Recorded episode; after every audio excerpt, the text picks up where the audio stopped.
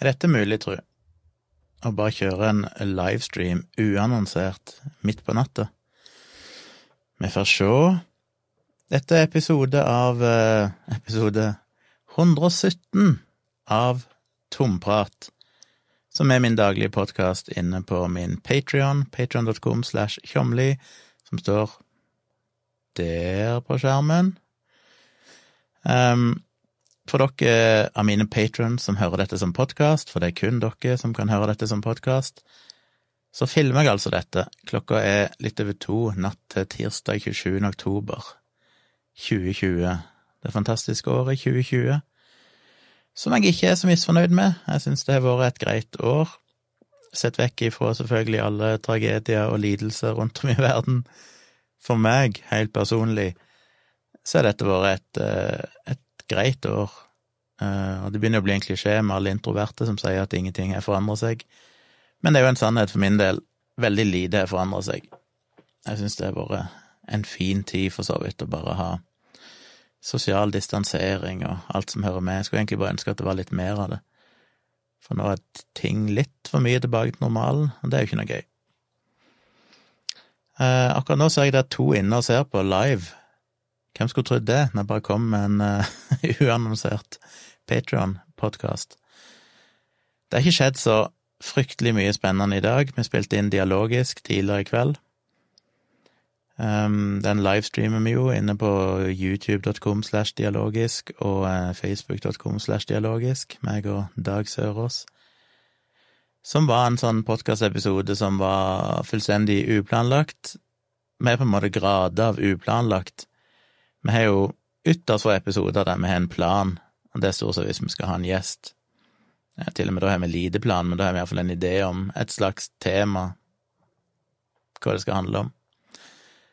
Og så har vi de uplanlagte episodene der vi kanskje har sendt hverandre et par linker i forkant, uten å nødvendigvis si noe om det, men hvis jeg finner en interessant link, så sender jeg den kanskje til Dag.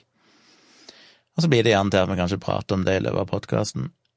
Og så er det jo helt ekstremt uplanlagte episoder, sånn som i dag, der vi bare, uten å snakke i det hele tatt uh, Livestreamen starta seks, begge to logga på basically klokka seks, og bare tok det derifra. Og jeg liker sånne episoder, for de har en tendens til å bli uh, ganske bra. Jeg var fornøyd med kveldens episode, som da slippes som podkast i morgen, tirsdag 27. oktober. Syns det ble en interessant prat med litt engasjement, og det er bra. Men mens vi hadde podkasten, så kan jo folk kommentere sånn underveis, eh, og det minner meg på at jeg må skru på kommentarfeltet her. Oi, der er en uh, Hi, Rowan. Rowan Martin har kommentert. Han aner sikkert ikke hva jeg prater om, for han hørtes ikke ut til å skjønne norsk, men han sa It's my birthday today. Congratulations, Rowan, uh, wherever you are in the world. I'm in Norway. Det var en eh, som skrev i kommentarfeltet, jeg husker ikke navnet, jeg tror kanskje det var en eller annen anonymisert konto, men han skrev at han var patron, og lurte på hva jeg brukte til å livestreame de her eh, Patron, nei, eh, dialogisk, podkastene, blant annet. Og det svarte jeg ikke på der og da, for det var kanskje litt kjedelig for dialogisk lytter å høre på, men det er altså dette kameraet jeg bruker, et uh, Sony A23. Jeg må gjøre sånn foran øynene mine for at den skal fokusere. Sånn. Sony A23, som jeg akkurat her og nå har en 85 eh, millimeter på, Sigma sin 85 millimeter. Det er jo et veldig dyrt webkamera, for å si det mildt. Det er jo et oppsett som jeg har altså to, for det er det jeg filmer med der, og så har jeg en ekstra. Så når jeg er ute og fotoshoots med forskjellige modeller eller bryllupsfotografering, så har jeg to kamera. Da har jeg som regel en 85 millimeter på den ene og en 35 millimeter på den andre, som er det jeg filmer med akkurat nå. Det er en Sigma 35 millimeter, som jeg er veldig fornøyd med. Og disse er jo geniale til video, men i det siste så har jeg spilt inn lite video. Jeg har stort sett spilt inn bare rett inn på datamaskinen, en HDMI, nei, en DVI-kabel som går inn på datamaskinen, og så spiller jeg bare inn rett på, på datamaskinen, istedenfor å spille inn på minnekortene, SD-kortene, som er oppi her. Men jeg har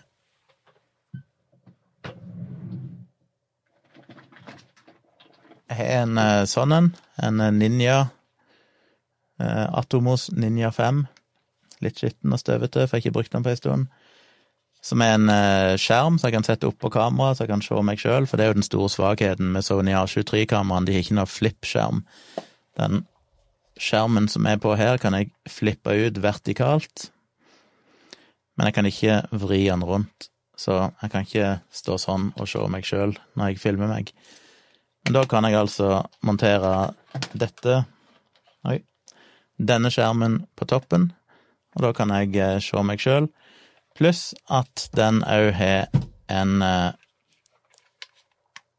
En eh, Jesus SSD bakpå her som jeg kan slide inn, som jeg har, som er på Ja, hvor den?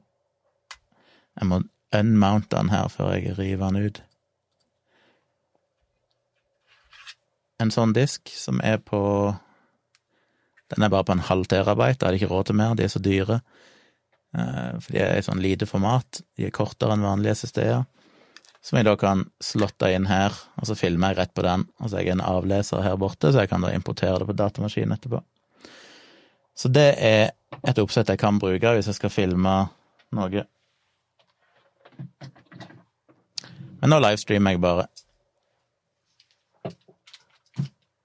Og så har jeg denne mikken, som er en eh, røde Hva er den heter? Procaster, tror jeg han heter. Som går inn på mitt miksebord, som er her nede, som er en Allen and Heath Z60TFX, som jeg nettopp kjøpte. Og alt går inn og havner på datamaskinen. Hei, Vegard! Dette sendes direkte akkurat nå, ja. Det er derfor du ser det. Bare improvisert, som sagt. Jeg har en eh, podkast på min Patrion, og nå fant jeg at jeg skulle bare livestreame meg sjøl, for moro skyld. Tre seere inne midt på natta. Hva er det dere gjør midt på natta? Som går inn på en random livestream. Men det er hyggelig. Velkommen. Um, ja, til dere som ser på dette, altså min podkast, som jeg legger ut inn på min Patrion, men av og til så livestreamer jeg og legger det ut på YouTube i tillegg. Så det var svaret på han som spurte meg tidligere i kveld på dialogisk livestreamen, hva jeg bruker til å livestreame. Jeg har altså et kamera Sony A23 som koster Hva koster det nå? Et par og 20 000. Og et objektiv som koster Jeg husker ikke. 10 pluss minus 10 000. Så det er ganske dyrt webkamera. 30 000 pluss en sånn Elgato Camlink 4K som konverterer, som jeg at jeg kan koble kameraet direkte til Mac-en eh, og bruke det som et webkamera. Og så bruker vi en tjeneste som heter StreamYard, som eh, er en veldig grei nettwebtjeneste, som du kan livestreame ting. Litt tilfeldig at jeg bruker det, det finnes andre. Restream er en nesten identisk tjeneste, som kanskje er bedre. Men en eller annen grunn så begynte vi med StreamYard, og så har vi bare fortsatt med det. Så streamyard.com bruker vi til å livestreame dialogisk. Og det fine med den er at vi kan da, da kan jeg se Dag, og han kan se meg, og vi kan streame ut til YouTube og Facebook samtidig. Eh, og så når jeg er ferdig, så kan jeg laste ned opptaket, for da lagrer han alt i tillegg. Og det ligger der i Tidligere var det sju dager, men jeg lurer på om de utvider den til 30 dager eller noe sånt. Men da kan jeg etterpå så kan jeg ta download recording, enten videoen med lyd, eller bare lyden alene. Og så laster jeg den opp i Dropbox, sånn at uh, moderne medier som produserer podkasten, får de filene. Og så kan de gjøre litt redigering og legge inn reklame og det de må gjøre, og intromusikk og sånn, og, og slippe det som en podkast dagen etterpå. Hei, Mikkel, han er ikke random. Flaks at du tilfeldigvis så meg. Han skriver han ikke random, han er Patrion. Viser det på skjermen, Mikkel Henriksen. Hvis han er Patrion, så setter jeg veldig pris på det, det er veldig kult. Vegard skriver at han tror han må bli Patrion, det syns jeg han skal bli, for inne på min Patrion får du en daglig podkast. Du får eh, begge bøkene mine innlest som lydbøker, og du får en del foredrag og sånn som jeg har lagt ut, pluss litt annet.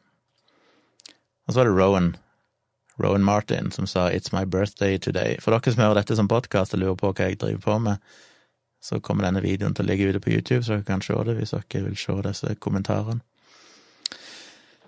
Så det var min lille gjennomgang. Jeg vet ikke om det besvarte spørsmålet om hva jeg bruker til livestreamer, men det er et ganske dyrt oppsett, og det er bare fordi at jeg kjøpte det jo egentlig for å drive med video og foto, men så bruker jeg det samtidig for å få litt god kvalitet på livestreamen. Eh, så jeg har alltid slitt litt med båndbredde, for her jeg bor nå, så er det ikke verdens beste internett, dessverre. Så hvis det skjer litt på nettet, så kan det bli litt dårlig kvalitet. Jeg håper det er god kvalitet nå, for nå er det bare énveis. Jeg har ikke dag som jeg ser inn til meg. Så ja, vi satser på det. Jeg streamer i 1080 her. Jeg kan, Kameraen kan teknisk sett filme og streame sånn i 4K, men det programmet som jeg bruker akkurat nå, er ikke StreamYard. Når jeg gjør ting alene, så bruker jeg et annet program som heter Ecam Live.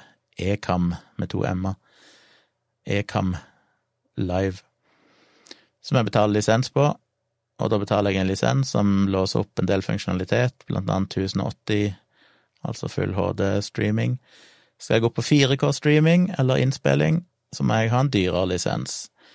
Og det kunne jeg gjort, men jeg har ikke så mye behov for Og skal du begynne å streame i 4K, så vet jeg ikke helt hvordan båndbredden min er. Så akkurat til livestreaming så holder vel full HD.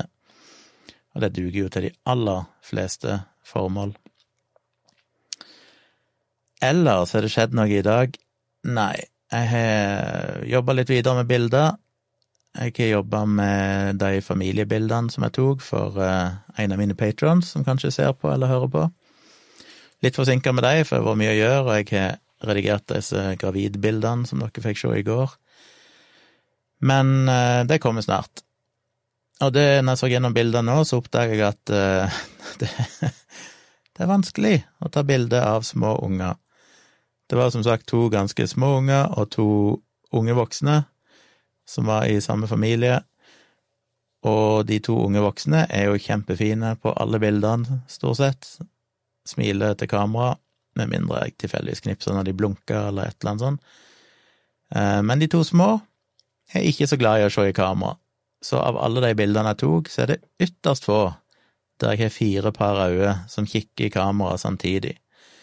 Så av alle de bildene jeg tok, så var det vanskelig å finne noen som er brukbare, men jeg tror jeg skal finne en liten håndfull som, eh, som duger, som jeg tror kan bli fine.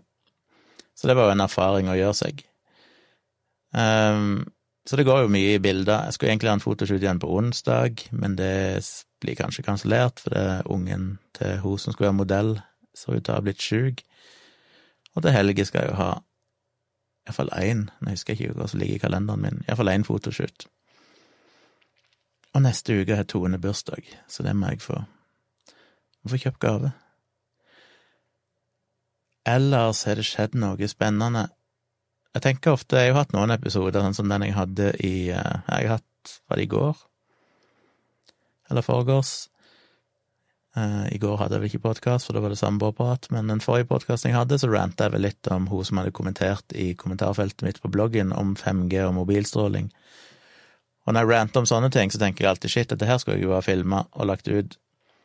For det er av og til jeg har noe som er faktisk et tema som jeg har og, og brenner for og kan si noe om. I dag vet jeg ikke om jeg har det, så hadde jeg tenkt i stad det skjedd noe spennende. Hvis dere har spørsmål, dere to som ser på live akkurat nå, kjør på, så, får vi ta det. Men det har kommet nye innstramminger eh, på koronafronten, spesielt i Oslo, som eh, er litt er forvirrende. Det er liksom litt vanskelig å vite hele tida når det gjelder, hva er det som gjelder, og når begynner det å gjelde, og Eh, men sånn generelt sett så har jeg vel skjønt at stort sett nå så burde du jo bare ha munnbind, enten det er på offentlig transport, som jeg jo har brukt eh, lenge allerede, men òg i butikken og sånne ting. Men så er det jo det der mennet hele tida. Det er liksom Hvis du ikke kan holde deg mer enn én meter ifra folk Og da, det, det liksom åpner for en usikkerhet, for det er sånn Det er jo stressa på seg munnbind, eller ansiktsmaske, eller hva du vil kalle det. Eh, og når jeg går på butikken, så blir jeg jo ikke stående ved siden av noen lenge. Jeg er kanskje nærmere enn en meter idet jeg passerer de veldig fort. Men tida er jo en viktig faktor, og jeg tror ikke risikoen er spesielt stor hvis du bare passerer noen. Hvis du derimot tenker smitte i lufta, hvis det viser seg at koronaviruset kan smitte gjennom aerosoler Oi. Og ikke bare dråpesmitte. Altså dråpesmitte er jo de litt større dråpene som ikke er så veldig lang rekkevidde, som kan komme hvis du nyser eller hoster eller spytter når du snakker. Eh, da er jo på en måte den énmetersregelen stort sett tilstrekkelig. Men hvis i tillegg kan være små partikler som rett og slett svever i lufta, eh, omtrent som damp, så er det litt mer tricky, for da kan de jo bli hengende der ganske lenge. Og da er det jo mer avhengig av at du har veldig god ventilasjon i byggene. Men da vil det jo være nyttig med ansiktsmaske, men da er du igjen nede på et nivå der hvis det er et problem, så vil jo stort sett ikke disse tøymaskene ha nødvendigvis den beste effekten. Da må du stort sett over på kirurgiske munnbind, som faktisk stopper så små partikler. Så det er litt sånn jeg tenker skal være sikker å gå inn når det er en del smitte i samfunnet, å gå inn i en butikk, så burde jeg jo brukt munnbind, men hvis jeg da ikke holder meg i nærheten av noen, så trenger jeg jo egentlig ikke munnbind allikevel, bortsett fra hvis det er en frykt at det kan smitte via aerosoler. Så bør jeg egentlig ha munnbind allikevel, men da må jeg jo egentlig ha et annet munnbind enn det tøymunnbindet jeg bruker til vanlig. Så det blir litt sånn Så det er vel tegn på at data som peker i retning, og det er vel CDC i USA sagt og sånn Jeg husker ikke helt hvor FHI Folkehelseinstituttet står på det akkurat nå, men at det kan smitte via aerosoler. Men risikoen er visstnok veldig liten. Det er ikke en vanlig smittevei, selv om det teknisk sett er mulig. Det er jo noe helt annet enn sånn som meslinger. Jeg mener, meslinger er vel den mest smittsomme sykdommen vi har. Og den er jo Ja, hva var det jeg leste? Det er basically sånn at hvis noen går inn i en gymsal, et lokale på størrelse med en, en slags gymsal, og nyser eller hoster, så vil over 90% av de som går inn i den gymsalen i løpet av de neste tre timene eller sånn, vil bli smitta. Med mindre det er ekstremt ventilasjon og sånne ting. Men altså teknisk sett så vil de virusene for meslingvirus vil henge i lufta så lenge at hvis du bare går inn i det rommet, så er det nesten umulig å ikke bli smitta. Så det er jo en helt ekstrem tilstand, og det er jo heldigvis godt om vi har flokkimmunitet og, og god vaksinedekning for det aller meste. Eh, så vidt vi vet, så er jo ikke koronaviruset på den måten, heldigvis, for da hadde det jo vært eh, vesentlig vanskeligere å eh, gjøre noe med det enn det det er nå. Men det blir ganske strenge regler. Munnbind overalt, og ikke gå ut egentlig mer enn du må, ha hjemmekontor hvis det er mulig. Alt dette her er jo ting jeg følger uansett, for jeg er jo veldig lite ute, og jeg har hjemmekontor. Kan ikke ha sosiale sammenkomster med mer enn fem personer i det private. Nei, det har jeg ingen planer om uansett. Så det går jo egentlig ganske greit. Jeg tror ikke jeg frykter det spesielt mye. Det som er deprimerende igjen, er jo dette her med å treffe familie. Dattera mi var jo her i helga. Men eh, hvis det nå blir strengere framover, hun skal egentlig komme gjennom tre helger, kanskje vi må kansellere neste tur. Som jeg har sagt tidligere, jeg vil ha familien min her til jul. Kanskje det ikke lar seg gjøre, for det, eh, er ikke sikkert de kan komme til Oslo hvis det fortsetter som det gjør. Og det syns jeg er kjipt, rett og slett. Men det får vi jo bare vente og se hva som skjer. Eh, nå kommer det inn flere her og ser på. Stakkar folk. ja. Mikkel spør, jeg har sett noen sitte og kjøre alene i bilen sin med munnbind, det kan det ikke være noe poeng i det? Nei, det har jeg òg stilt meg spørsmål med når jeg ser folk ute og gjenger helt alene, langt ut i gokk, eh, og de går med munnbind, så lurer jeg jo litt på hva de egentlig tenker. Tilsvarende i USA, der det er helt ekstremt. Eh, sånn som Mark Maron, som har WTF-podkasten som jeg hører først på, snakker jo om det hver gang han går ut, så går jo han ikke bare med munnbind, men han har jo sånn ansiktsskjerm, som jo teknisk sett er noe en bør ha hvis en virkelig er paranoid, for at eh, hvis du kan smitte via slimhinnene, så kan du òg smitte via øyet, og det er det jo egentlig underkommunisert at hvis du får partikler med virus i øynene dine, så er jo det òg en kjent smittevei. Så derfor burde vi jo egentlig gått med, med sveisebriller, hele gjengen. Men han gjør det, og han snakker om at han er ute og går tur opp i fjellene der oppe i Los Angeles, der han bor, eller jogger eller et eller annet sånt, med ansiktsmaske. Og det er jo litt sånn, hvis du er ute og gjenger i naturen, ja, det er kanskje turveier der du kan passere noen, men jeg tror den der ansiktsmaska der er usedvanlig eh, he, Altså, sjansen for å bli smitta ved at du bare passerer noen ute i frisk luft, er mikroskopisk. Vikram, en Facebook-venn, hva prates det om i natt? Hvordan i verden fant du uh, livestreamen min? Ja, kanskje det er folk som abonnerer på YouTube-kanalen min, som har fått en notification. Nei, i natt så snakker jeg om alt og ingenting. Dette er min uh, Patron-podkast, som jeg har sagt et par ganger allerede. Jeg hadde ikke noen plan. Jeg tenkte bare jeg skulle filme, egentlig for å varme meg sjøl litt opp, for jeg har lyst til å gjøre dette oftere. Må bare prøve å gjøre det til en vane. Når jeg først sitter her og snakker i en halvtime, hvorfor ikke livestreame det og legge det ut på YouTube, så får jeg litt innhold på YouTube-kanalen min. Uh, så det er egentlig det. Jeg snakker om alt mulig. Men hvis du har spørsmål, Vikram, så fyr løs. Prøv å ta ting her på sparket. Men folk som sitter alene i bilen og kjører med munnbind, nei, det tror jeg ikke har så mye for seg, eller det har jo selvfølgelig ingenting for seg. Uh, eneste grunnen jeg kan tenke meg til at de gjør det, hvis ikke de, med mindre de bare har misforstått hele greia og tror at virus er i atmosfæren og bare svever rundt overalt, så er det jo fordi at uh, hvis en skal fra A til B, La ikke si det er helsepersonell spesielt, eh, eller noen som jobber med hjemmebesøk til gamle mennesker, eller et eller annet sånt, og du har vært et sted og skal inn til noen andre, så er det jo fornuftig, for så vidt, å ikke ta av seg munnbindet. For skal du virkelig være på topp når det gjelder effekten av munnbind og hygiene og sånn, så skal du ikke drive og ta det av deg og på deg igjen. Så hvis du har et kirurgisk munnbind, så bør du i så fall ta det av, og så ta på deg et nytt ferskt et. Så da kan jeg skjønne at folk som har en jobb der de kanskje er pålagt å bruke munnbind, eller vet at de skal fra en plass der det er fornuftig å bruke munnbind, til en annen plass der det er fornuftig å bruke munnbind, så er det fornuftig å bare ha det munnbindet på seg hele tida, selv om du er en periode uten å være i kontakt med folk. Så en skal være forsiktig med å dømme folk, de kan ha sine grunner, det vet jo ikke jeg, eh, og det er en fornuftig grunn, for så vidt, å ha på seg munnbindet permanent. Men Bortsett fra det, hvis du er ute og gjeng i skogen, som sagt, eller ute og spaserer en tur, så eh, er det jo ikke noen grunn til å ha på seg munnbind. Eh, ikke bare fordi at Ja, det er mange grunner til det, men det er vel ingen ingen tilfeller, tror jeg, du kan spore tilbake igjen til at noen har blitt smitta ute i friluft. Det er nesten umulig. Det er statistisk sett sjansen for å få de virusene på deg, passere noen akkurat idet de hoster, for eksempel, og du skal få det rett på deg, er veldig, veldig små. I et lukka rom, lite rom, så er det mye større sjanse, for da kan spyttpartikler sånn sveve lenger, de kan bli liggende på overflate som du tar på, og alt mulig sånn. Men ute i frisk luft så er det jo basically null risiko, så det virker jo helt uh, meningsløst.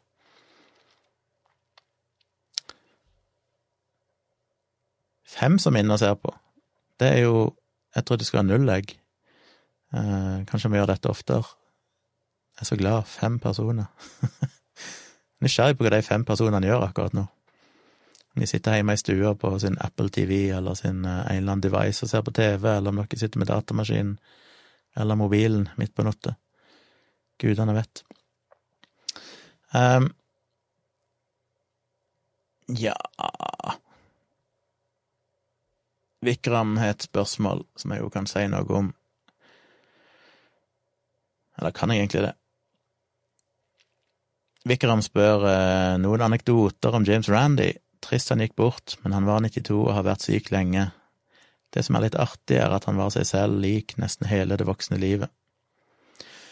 Ja, Vikram, eh, den dagen James Randy døde, så snakka jeg eh, ganske mye om det i denne podkasten inne på patronen min, så jeg har egentlig kommet med en del anekdoter allerede. Jeg har jo møtt han noen ganger, og det har vært hyggelige opplevelser. Han er jo en viktig person. Vi snakket om han i kveldens dialogisk òg, så dere kan òg høre podkasten som kommer i morgen. Eller sjekke ut livestreamen som ligger oppe på youtube.com slash dialogisk eller facebook.com slash dialogisk. Der ligger jo hele opptaket allerede, hvis ikke dere vil vente og høre det som podkast. Men der avslutta med dagens episode med å egentlig mimre litt om James Randy, og jeg gjentok bitte grann av det jeg snakket om i min Patron-podkast eh, her. Så jeg skal ikke gjenta meg sjøl, siden de fleste som hører på denne podkasten, har hørt det før, men eh, trist Og igjen så vil jeg bare anbefale disse dokumentarene om han An Honest Liar, som jeg lenka til inne på Patrion. Som iallfall går og streames på Amazon Prime, men hvis du googler James Randy An Honest Liar video, så finner du at den ligger gratis på nettet diverse plasser, så det går an å se den der. Hvis ikke dere trenger teksting, for den det er sikkert ikke tekster. Veldig, veldig bra dokumentar som kom for noen få år siden, om livet til James Randy, der du får hele historien ifra han starta av en ung mann, og etter hvert eh, starta som utbryterkonge og tryllekunstner, og etter hvert ble mer og mer engasjert i å bekjempe bullshit og overtro. Eh, så, så det er bra, i tillegg til at jeg nevnte i Dialogisk i dag at de har re-released en bedre versjon på YouTube, tror jeg, av en dokumentar som jeg tror heter noe som enkelt som James Randy in Australia, eller noe sånt. Eh, som er fra en turné han hadde i Australia på 80-tallet, tror jeg, der han blant annet testa folk som mente de kunne finne vann under jordet med sånne ønskekvister og sånne ting. Veldig, veldig bra. Jeg sett, husker ikke om jeg har sett hele, jeg skal sjekke den ut på nytt, nå som han er litt gitt ut på nytt i god, bedre versjon. Men jeg har iallfall sett klipp av det tidligere, som er veldig interessant. Så sjekk ut uh, den hvis dere er interessert. Jim Frandy var jo i Norge sist, i 2011, tror jeg. Og da eh, møtte jeg han så vidt, og så møtte jeg han igjen i eh, forfjor, 2018, da jeg var i Las Vegas, på Psycon. Men da var han blitt en veldig gammel mann. Da var han jo 90 år, satt i rullestol. Han har jo alltid vært liten. Det er alltid morsomt å se bilder av James Randy på sida av eh, Penn Gillette fra Penn Teller, for Penn Gillette er jo Vet ikke gudene vet hvor høy han er, men han er jo en røslig kar.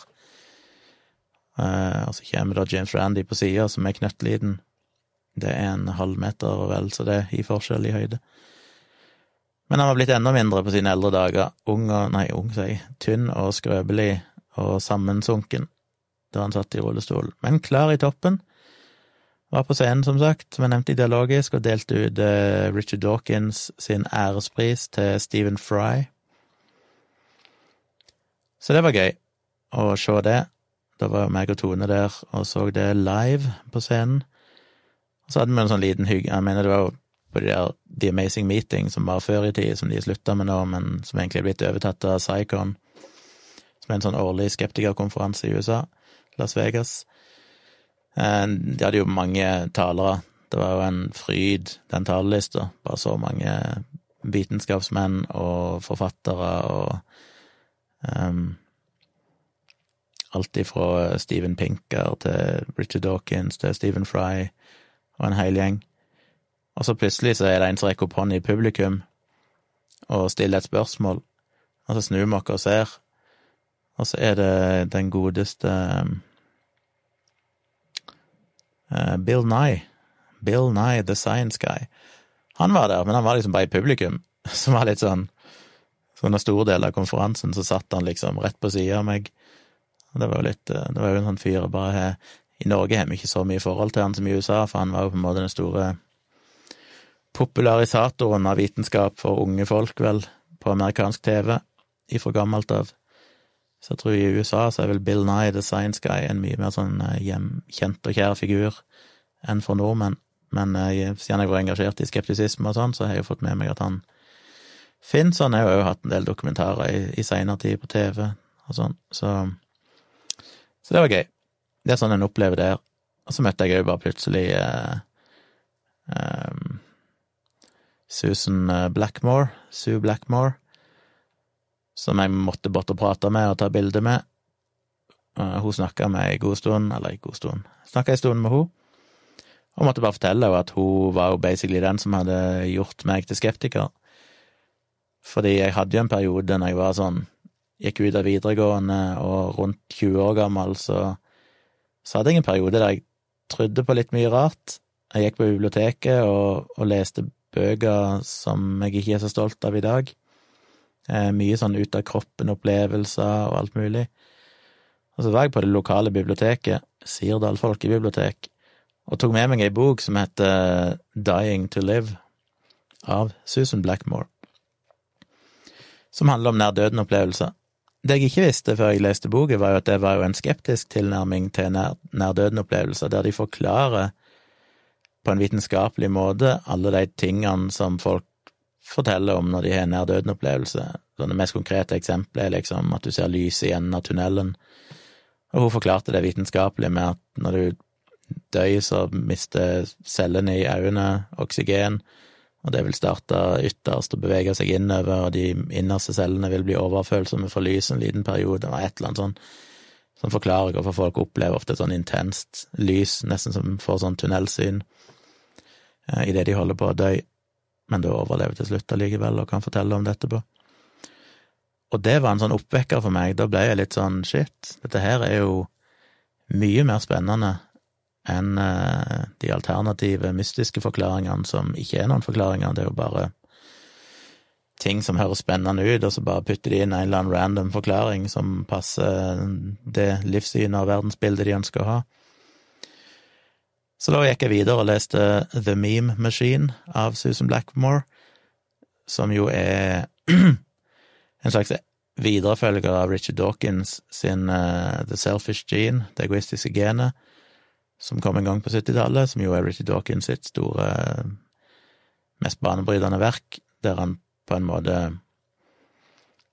forklarte evolusjon gjennom Ja, egentlig forklarte hvordan evolusjon er en strengt egoistisk prosess, Det der til og med mange ting som en ofte tolker som at ja, men denne her funksjonen eller egenskapen hos en eller annen art må jo ha utvikla seg fordi det økte samarbeidet og økte overlevelsesevnen innad i ei gruppe. Men så kan han alltid, når han forklarer det, så viser han ja, det er kanskje sånn ut på overflata, men hvis en analyserer det, så ser han at til syvende og sist så handler det fortsatt om overlevelsen til det ene individet, eller mer spesifikt genene i DNA-et til det ene individet.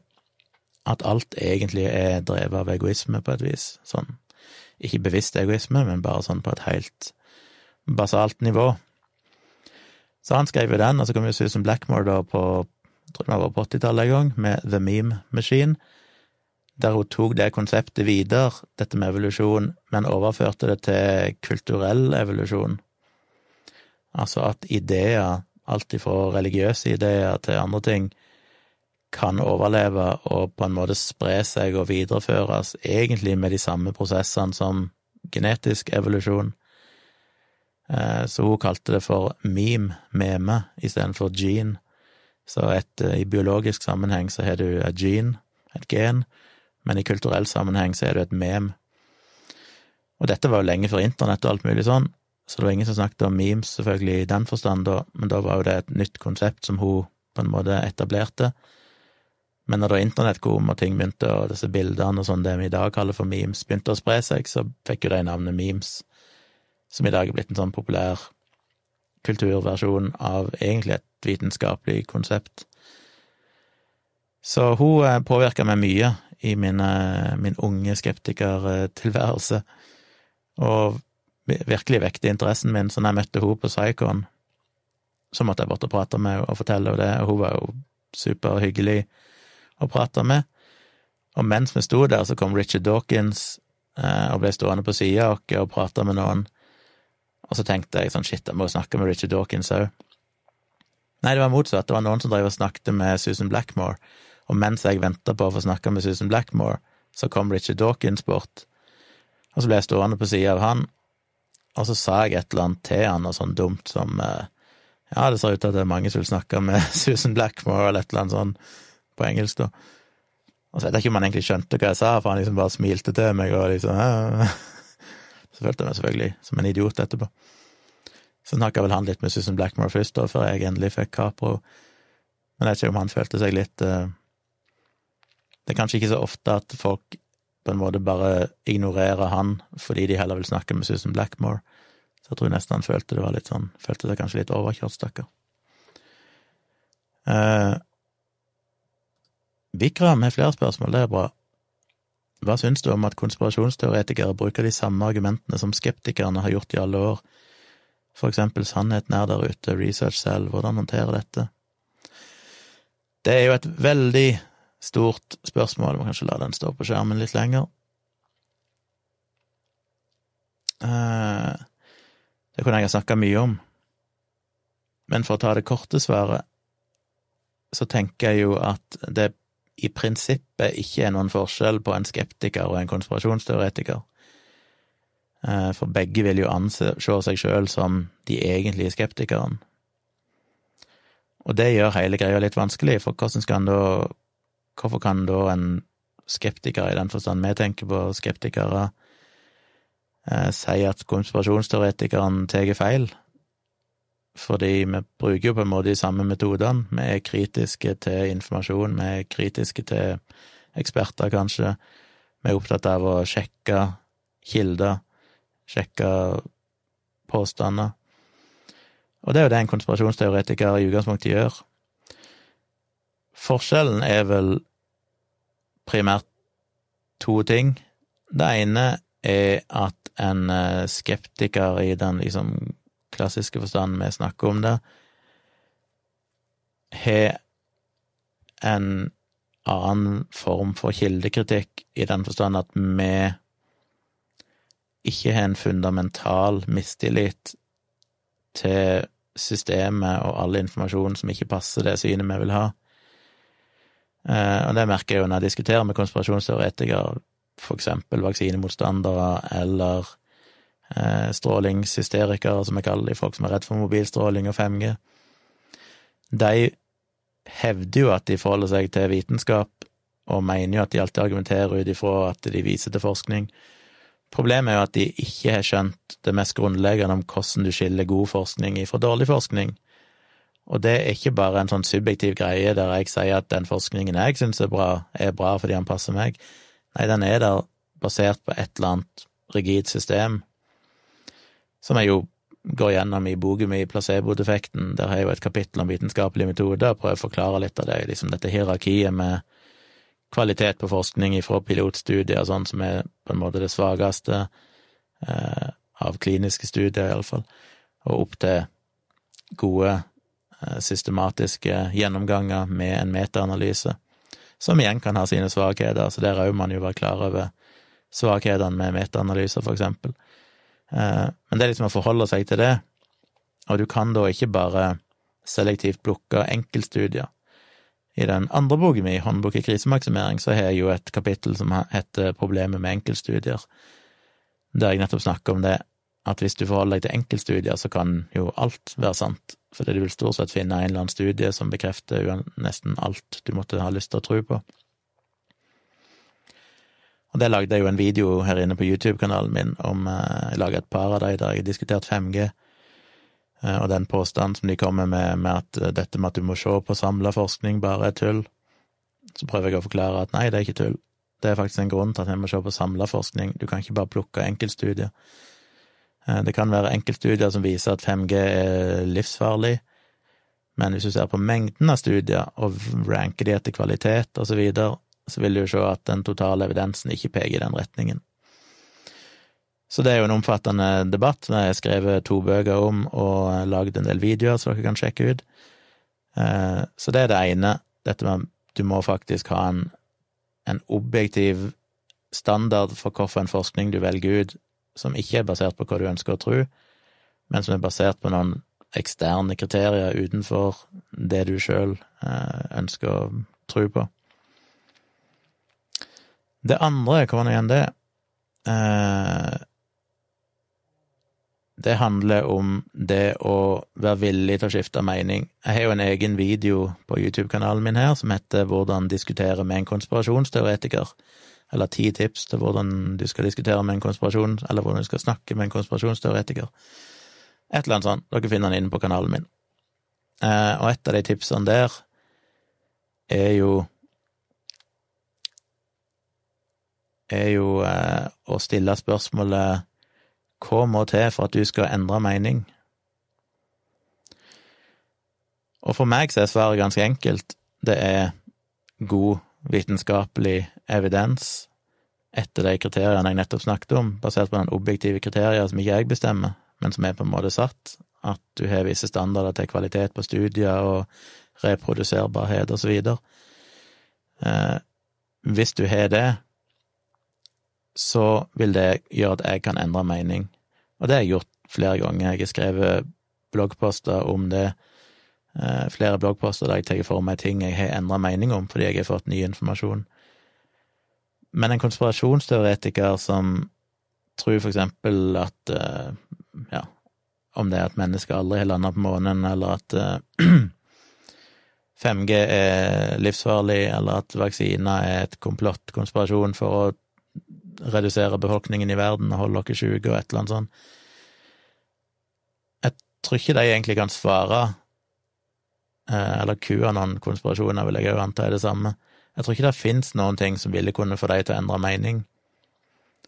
Fordi når du først er inne i det konspirasjonstankesettet, så vil jo enhver evidens som taler imot din konspirasjon, være en del av konspirasjonen for å lure deg, og dermed kan du bare avfeie det.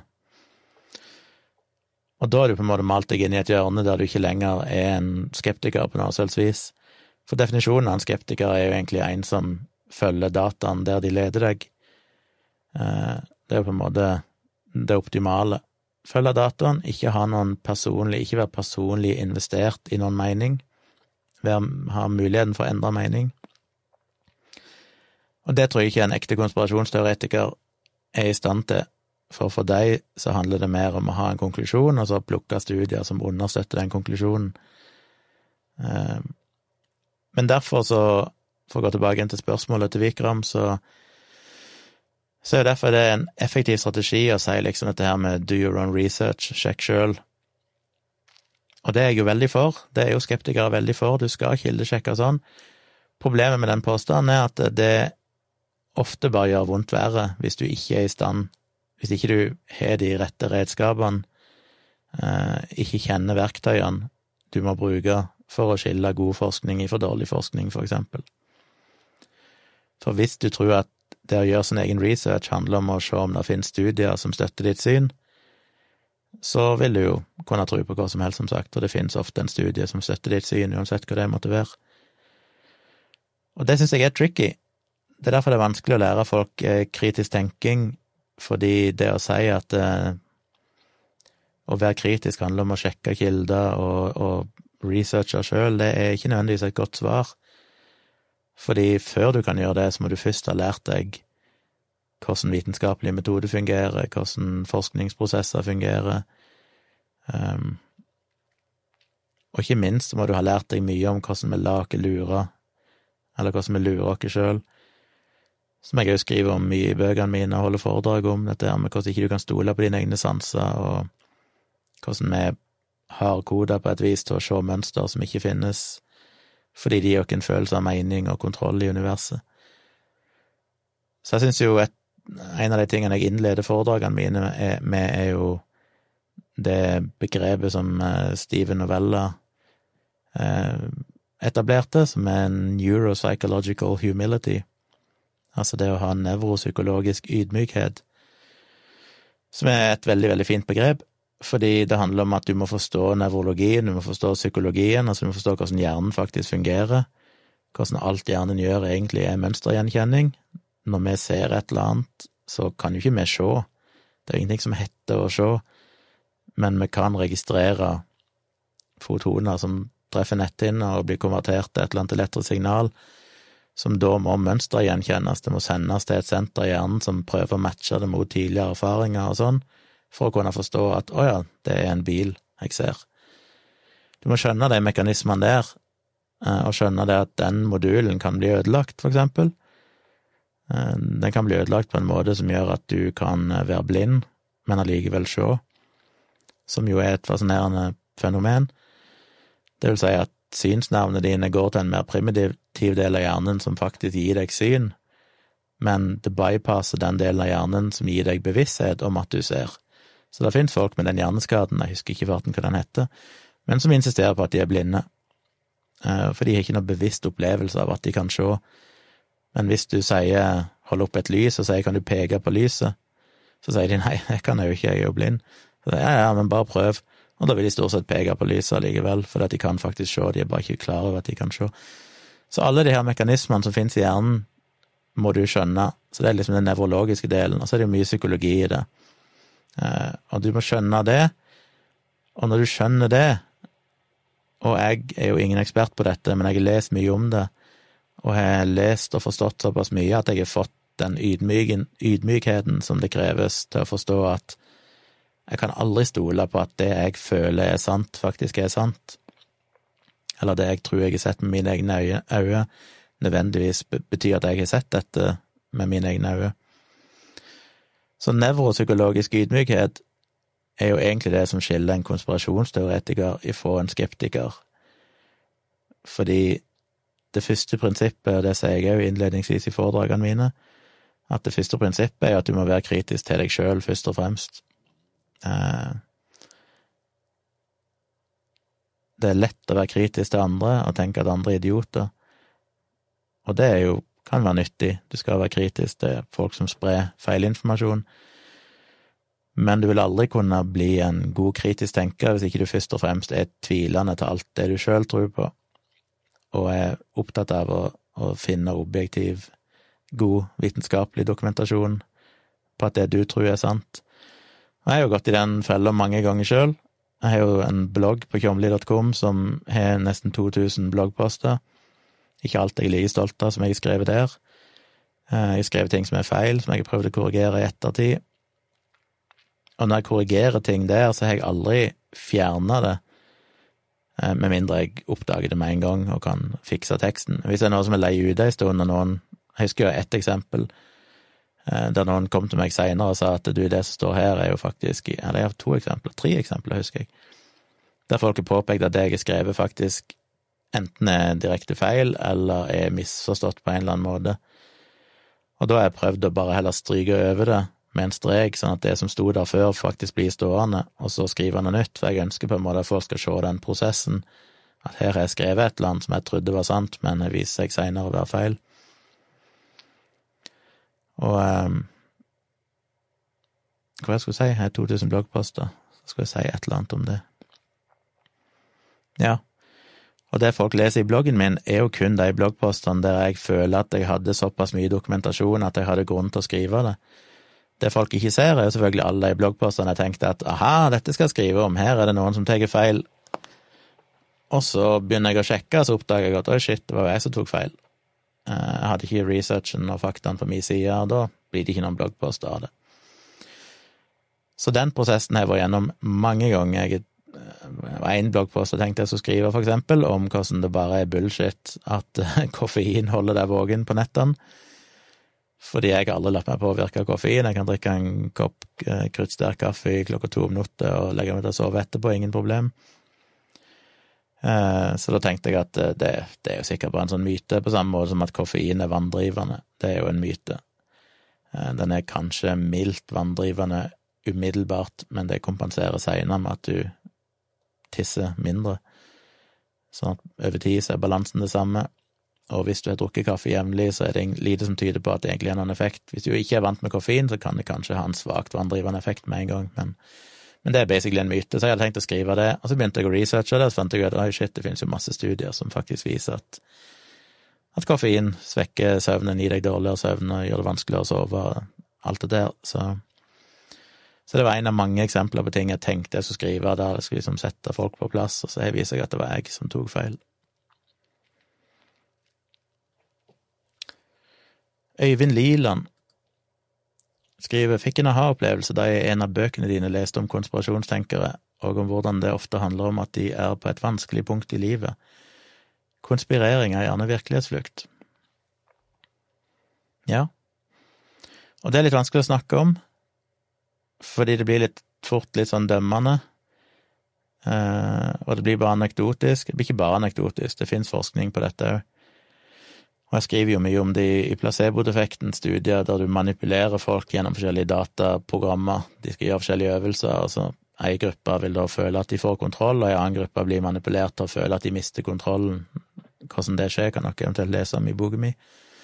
Eller bli Patrion, så kan dere høre meg lese det for dere, hvis ikke dere gidder å lese.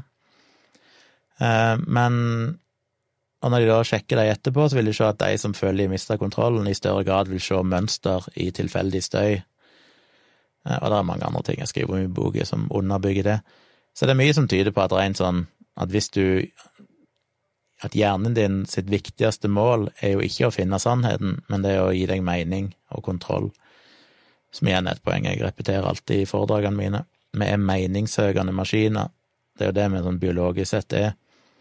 Eh, og det er derfor det er så vanskelig å være skeptiker, for hvis du følger det som føles sant, og det som gir deg mening, så ender du ofte ut på ville veier, for vi har en idé om at det som føles sant, er sant, og jo mer ekte og sant det føles, jo mer sant må det være. Og det er jo ikke sånn i det hele tatt. Det er ingen, ingen logisk sammenheng mellom det at noe føles sant, og at det faktisk er sant. Eh, så det at folk er på et vanskelig sted i livet, kan gjøre at de ender over i konspirasjonstenking, for da tar hjernen tilbake igjen den følelsen av kontroll og mestring, fordi du begynner å se et system i kaoset. Eh, og som sagt, det finnes flere studier som dokumenterer dette, at når du føler at du mister grepet, at du føler, du føler du mister kontrollen over livet ditt, så vil hjernen overkompensere med å finne mening og mønster i ting som ikke egentlig er verken meningsfullt eller har noe mønster. Um, og det forklarer jo at folk som er konspirasjonsteoretikere, er de mest ekstreme vaksinemotstanderne, barnevernshatere, antimyndigheter, antivaksine, er folk som gjerne havner litt eh, på kanten av samfunnet. De har hatt eh, kan være alltid fra problemer i forholdet til problemer med barnevernet, som gjør at de føler de mister kontrollen, til at de har mista jobben, til at de har økonomiske problemer, til at de sliter psykisk. Eh, og det skal en selvfølgelig ikke dømme dem for, for det er ofte ikke deres feil. Det kan det jo være, men det trenger ikke være det.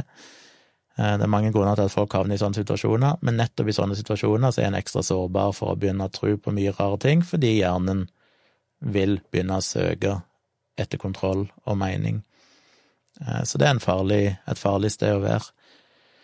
Og som jeg alltid har sagt, hvis det er noe du ser som føles veldig meningsfullt, så skal du alltid være ekstra kritisk til deg sjøl. For når noe føles veldig, veldig meningsfullt, så, så er sjansen for at du lurer deg sjøl, ekstra stor. Men ja, jeg skriver om dette i bøkene mine, og snakker om det i foredrag, så det går an å sjekke ut det hvis dere er interessert i mer om sånt. Og alt finner dere inne på patronen min, patron.com slash tjomli. Koster fem dollar eller euro eller pund ish i måneden å få tilgang til det, så det er mulig å gjøre. Men da har jeg snakka lenge. Det var gøy, dette her. Det var gøy at det var folk som var våkne på den tida av døgnet. Jeg trodde det var bare jeg som satt oppe klokka tre om natta, men det er tydeligvis andre natteranglere her òg. Eh, så det å kjøre en spontan livestream kan faktisk fungere, så det gjør jeg sikkert flere ganger.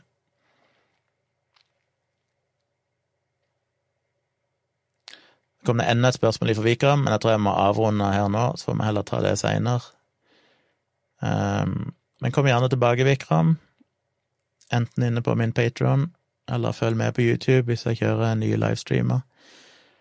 Så er jeg veldig, veldig glad for å få spørsmål.